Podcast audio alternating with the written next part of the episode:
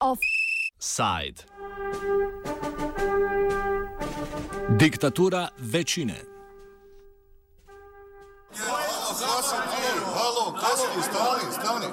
Ne interesuje nas to, nas interesuje. Ti, ti rušiš ustavni poredak, halo. Ko si ti da ti zabranjuješ ljudima da uđu u skupštinu, a birani od naroda?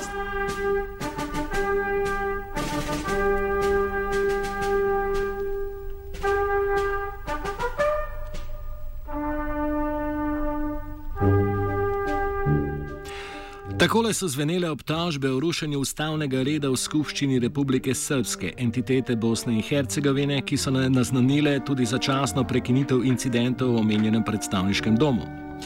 Pretekle dne je bilo namreč v Banja Luki, glavnem mestu Republike Srpske, pestro.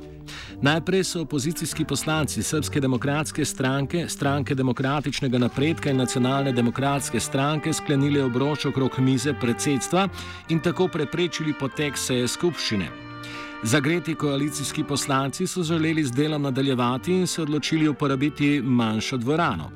A tudi to ni ustavilo opozicije, ki je želela, želela fizično blokirati vhod v omenjeno manjšo dvorano. Večina je na pomoč poklicala policijo, ta pa je poskrbela za nastanek prej slišanega posnetka. Pogled na trenutno stanje in komentar preteklih dogodkov poda Gordana Katana, novinarka časnika Oslobođenje. Danas je zapravo situacija mira, da u samom parlamentu se ne dešava ništa jer je vladajuća koalicija sinoć za nekih u stvari možda manje od četiri sata završila sjednicu bez prisustva opozicije. Tako da je danas sjeli što se tiče parlamenta miran dan bez ono, političke rješavanja, no ono sve što je prethodilo uh, E, kako ovaj, prethodna dva dana, znači srijeda i utorak, doista ja bih nazvala potpunim slomom demokracije, parlamentarne demokracije, uvođenjem diktature, vladajuće većine. Naime, već sama činjenica da su poslanici opozicije bili u primorani da pokušaju fizički blokirati rad parlamenta kako bi ovaj, većinu primorali, primorali na dijalog, odnosno da se otvori pitanje oko kršenja poslovnika u radu parlamenta, dovoljno pokazuje i nažalost tu nije stalo Uh, većina je odlučila da će nastaviti rad pod svaku cijenu. Predsjednik parlamenta je van skupštinskog zasjedanja koje je bilo u tom trenutku prekinuto izrekao sankcije svim opozicionarima koji su jeli, ovaj, blokirali rad. Znači ne zna se poimenično ko je izrek, kome je izreknuta kazna što je opet povreda poslovnika rada. Potom je policija fizički spriječila napravivši barikade poslanicima u, u drugu salu uđu. Kažem, već sama činjenica da je jučer u jednom trenutku u Narodnoj skupštini bilo jednako policajaca koliko je narodni poslanika, da je veliki broj njih bio naoružan dugim cijevima, možda najbolje oslikava što se sve dešavalo u proteklo dva dana. Povod za opozicijski bes je kršenje postopkovnih pravil parlamenta. Vladajoča koalicija na dnevni red namreč ni uvrstila razprave o poročilu glavnega državnega revizorja. Za to odločitev je bil sicer pristojen odbor za revizijo, a je tega koalicija bojkotirala, odločitev za umik točke z dnevnega reda pa je na to sprejel odbor za finance, ki naj za to odločitev sploh ne bi imel pristojnosti. Katana razloži, zakaj je bila dnevna točka o poročilu revizorja tako pomembna za opozicijo.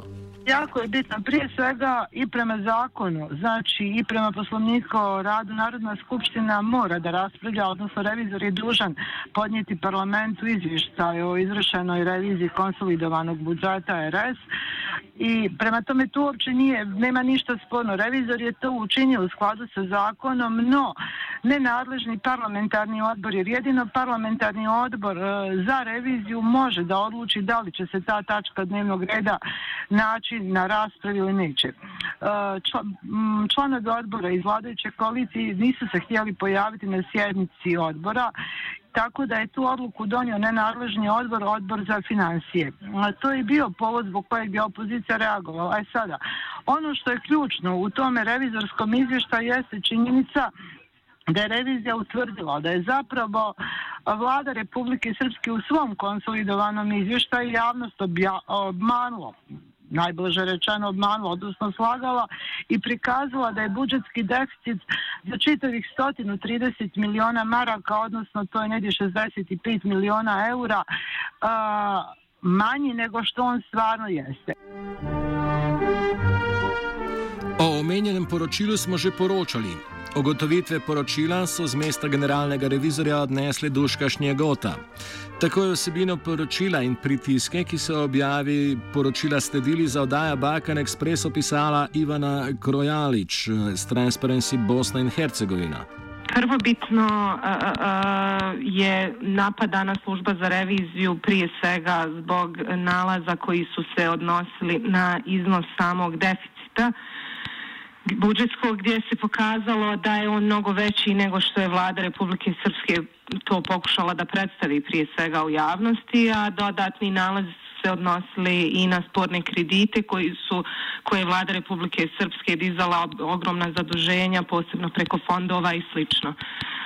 I zbog toga, naravno, s obzirom na to da je to jasno konstatovano izvještaju, a i u ranim e, revizorskim izvještajima pojedinačnih institucija koji su ukazivali na različite vrste nepravilnosti, neodgovorno raspoređivanje javnih sredstava, neodgovoran utrošak nabavke i slično, na kraju je to dovelo prije svega do, do otvorenih napada na, na, na glavnog revizora i na kompletnu službu za reviziju, optuživanje da rade u interesu nekih drugih država međunarodne zajednice, da su izvještaji tendenciozni, da nisu istiniti, a da pritom vlada, odnosno predstavnici vlasti nisu ponudili nikakve konkretne informacije niti dokumente koji bi potvrdili suprotno. Dakle, sve se radilo samo o verbalnim napadima i pritiscima koji su doveli do toga da stranke koje čine vladajuću koaliciju u Republici Srpskoj na sastanku same koalicije, dakle to nije išlo ni čak kao zvanični poziv putem institucija, nego stranački dakle, sastanak sa kojeg je saopšteno da se glavni revizor poziva na ostavku i da ukoliko to ne učini da će biti smijenjen. Na kraju je iako je glavni revizor i služba za reviziju objavili saopštenje u kojem se navodi da oni i dalje stoje iza nalaza koji su e, iznešeni u reviziji koja je rađena u skladu sa svim međunarodnim standardima. E, ipak nakon sastanka sa gospodinom Dodikom e, na kojem je vjerovatno izvršen još dodatni pritisak on i njegov zamjenik su ponudili svoje ostavke.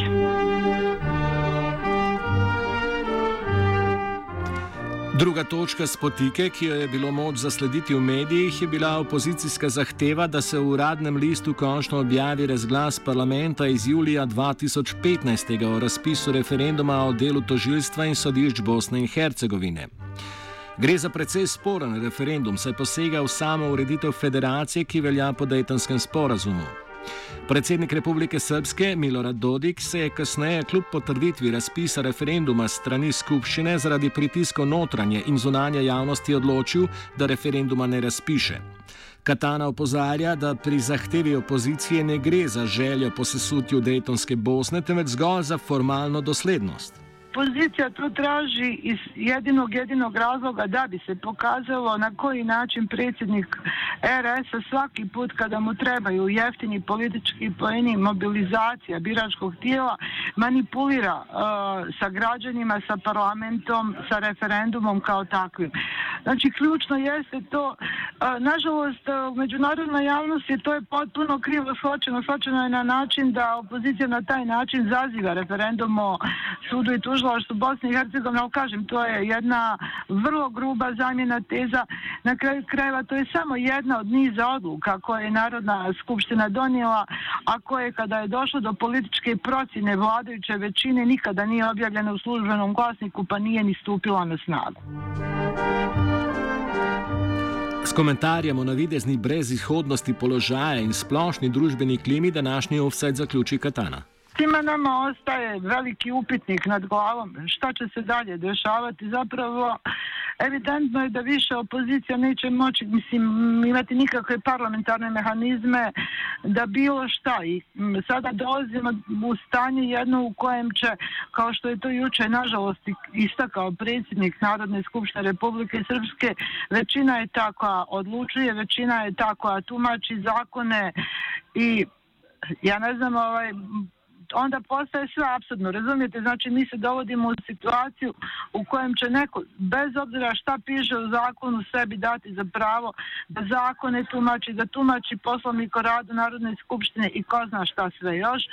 Naravno, onda se svi pitamo, srljamo li mi doista u jednu duboku, duboku diktaturu i kod građana se već stvarno javlja zemlja, hoće li se sve to na ovome završiti i ono što bih htjela reći da socijalno nezadovoljstvo građana, radnika, sve veće. Mi u ovom momentu imamo u više mjesta u Republici Srpskoj štrajkove radnika, generalne štrajkove, štrajkove glađu. To uopće nema, ono, ne pokazuje neku blistavu budućnost. U prepovedanem položaju pred skupščinskimi durmi se je znašel Zupan.